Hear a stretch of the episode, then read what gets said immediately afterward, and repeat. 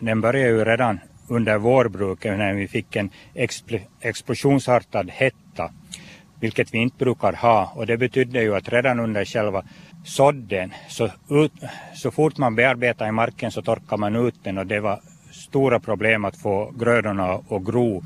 Och det är en del orsak till att de blev ojämna och glesa. Och sen hade ju hela växtperioden efter det så har, har vi ju haft onormalt höga temperaturer samtidigt som vi har fått kanske halva regnmängden mot 30 års medeltal hittills. Och Bengt Nyman, du sa att det inte bara sommaren som har varit problematisk utan också förra hösten och, och dessutom förra sommaren som var ganska exceptionell. Fördelarna med, med att vara lantbrukare är ju att man får njuta av alla vädrets nyckfullheter och omväxling. Det, det är det som är det spännande och, och vädret kan man aldrig Eh, klaga på och försöka göra någonting åt det. Att, att skulle vi kunna bestämma vädret så skulle vi ju säkert ha ett betydligt större inbördeskrig än vad vi hade här för hundra år sedan. Men eh, fjolåret var exceptionellt på det viset att då hade vi idealisk temperatur och eh, ganska bra eh, regn eh, under växtperioden fram till skörd. Men sen vid, vid skörden så slog det ju om och vi fick regn nästan i tre månader och det betydde ju att, att marken blev väldigt tillslammad under vintern, svårbearbetad i, i, våras och eh, väldigt liten andel höstsäd blev, blev sådd, eller sån areal som klarar vintern.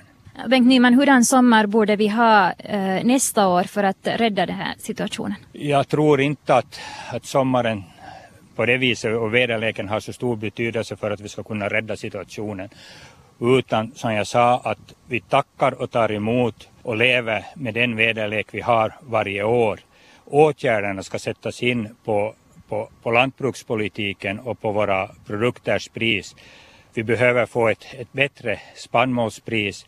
Vi behöver få en rättvisare andel av matens äh, pris i, på butikshyllan och det har vi inte idag.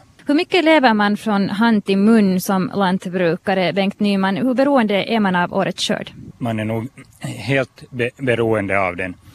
Eh, tyvärr så är det ju på det viset att jag är också med i sådana här lönsamhetsbokföringsgårdar och, och ger årligen in mina ekonomiska resultat för undersökning och tittar man på det materialet landsomfattande så pratar man om en lönsamhetskvot som borde vara ett för att få ut eh, full ersättning för investerat, alltså ränta på investerat kapital och en timarbetslön på 15 euro per timme. De senaste fem åren hade för spannmålsgårdar lönsamhetskvoten varierat mellan 0,1 och 0,2. Alltså vi får mellan 10 och 20 procent av den lön vi, och ränta på investerat kapital vi borde få.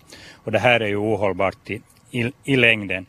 Så det är därför som, som vi helt enkelt måste få ut ett högre pris från, från marknaden.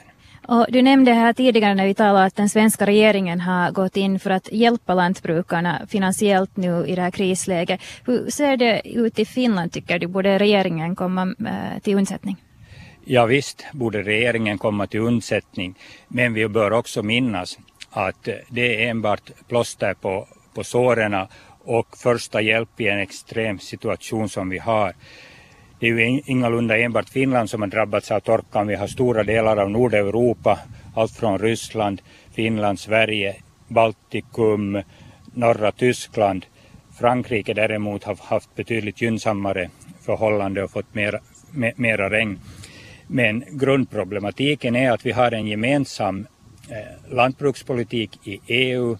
Dessutom har vi här i Finland sedan spett på den med, med att vi har strängare villkor till exempel på våra miljöstöd och miljöåtgärder här och djurskyddsåtgärder än i andra länder. Och så ska vi konkurrera på samma marknad med, med, med, med samma villkor på pris där priset på spannmål bestäms på Eh, de stora världsomspännande spannmålsbörserna antingen i Chicago eller här i Europa, i Paris, Matif-börsen. Det är ohållbar situation i längden när vi inte har samma produktionsvillkor. Så därför tycker jag att vill vi ha ett inhemskt lantbruk i Finland, hålla en levande landsbygd, hålla eh, våra landskap öppna som, en, som lantbruket som sidoprodukt utan att få betalt för det sköter om så bör också konsumenten vara beredd att äta inhemska och, och stödja inhemska varor och vara beredd att betala eventuellt ett lite högre pris än vad man får för billig importvara från andra delar av världen som inte producerade med samma villkor som vi har här i Finland.